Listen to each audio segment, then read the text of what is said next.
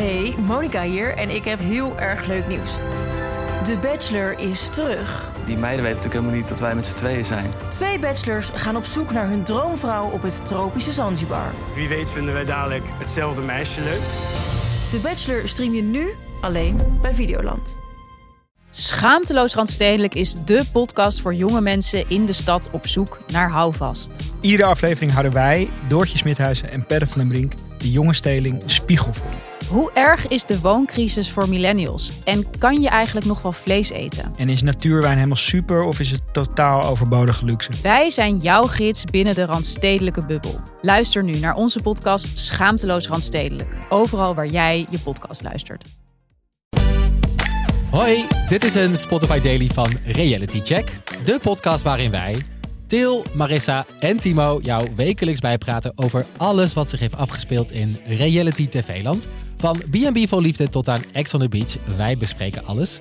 Tijdens deze speciale aflevering gaan we het toch een klein beetje anders doen. Wij kronen namelijk een persoon tot realityster van de week. En deze week is dat een hele speciale Man. man geworden. Eh, wie is dat geworden? Emiel Ratelband.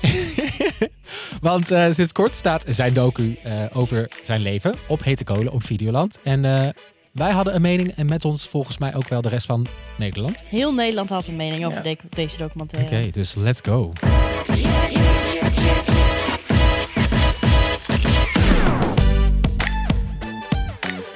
Maar eh, voor de jonge, jonge generatie, ik had, ik had wist dus niet zo goed wie. Ik, Emiel- ik had nog nooit van hem gehoord. Niet? Nee, Nee. ja, wel de Emiel- naam kende ik, maar niet wat hij was. Oh ja. Nou, Emiel Ratelband. Laat ik het even uitleggen. Fijn. Hij noemt zichzelf entertrainer. niet. Een samentrekking van het woord entertainer en trainer. Oh.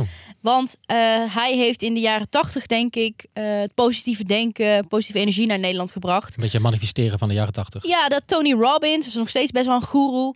Hij is daar in de soort van in de leer gegaan. En hij heeft gedacht, wat hij kan, kan ik ook. Dus hij is aan de, aan, de gang gegaan met positief denken. Neurolinguistisch programmeren eh, komt eruit. Maar hij heeft dat dus naar Nederland gebracht. En dan kun je naar seminars van hem toe gaan of kon.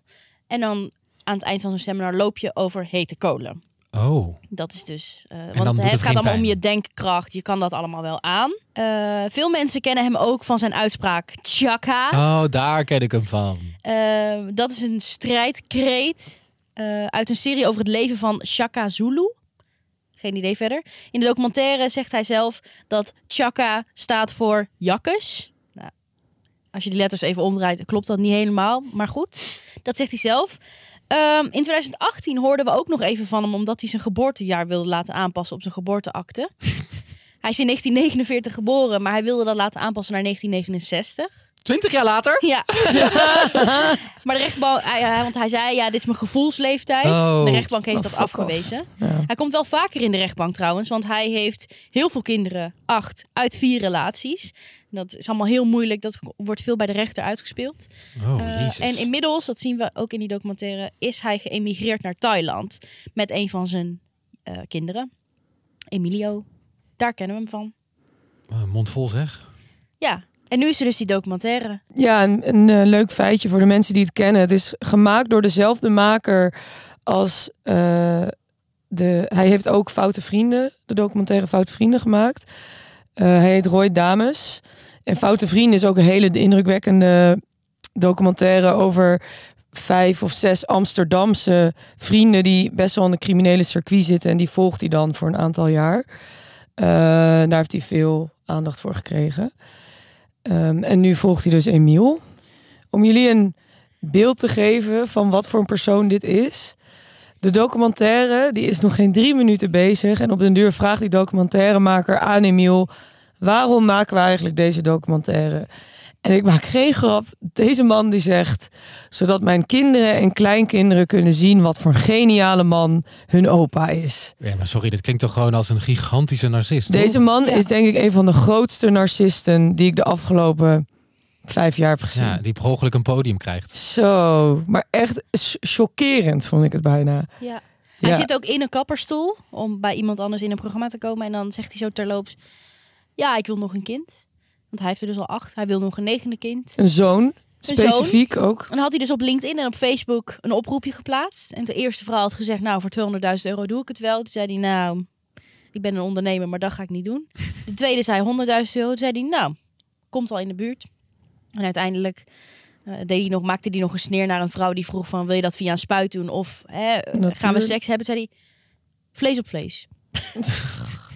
dus hij wil echt seks hebben met een vrouw. Uiteindelijk heeft hij dus wel een vrouw bereid gevonden om bezwangerd te raken. Ehm, en dat kind eh, is geboren of komt eraan, weet ik eigenlijk niet precies.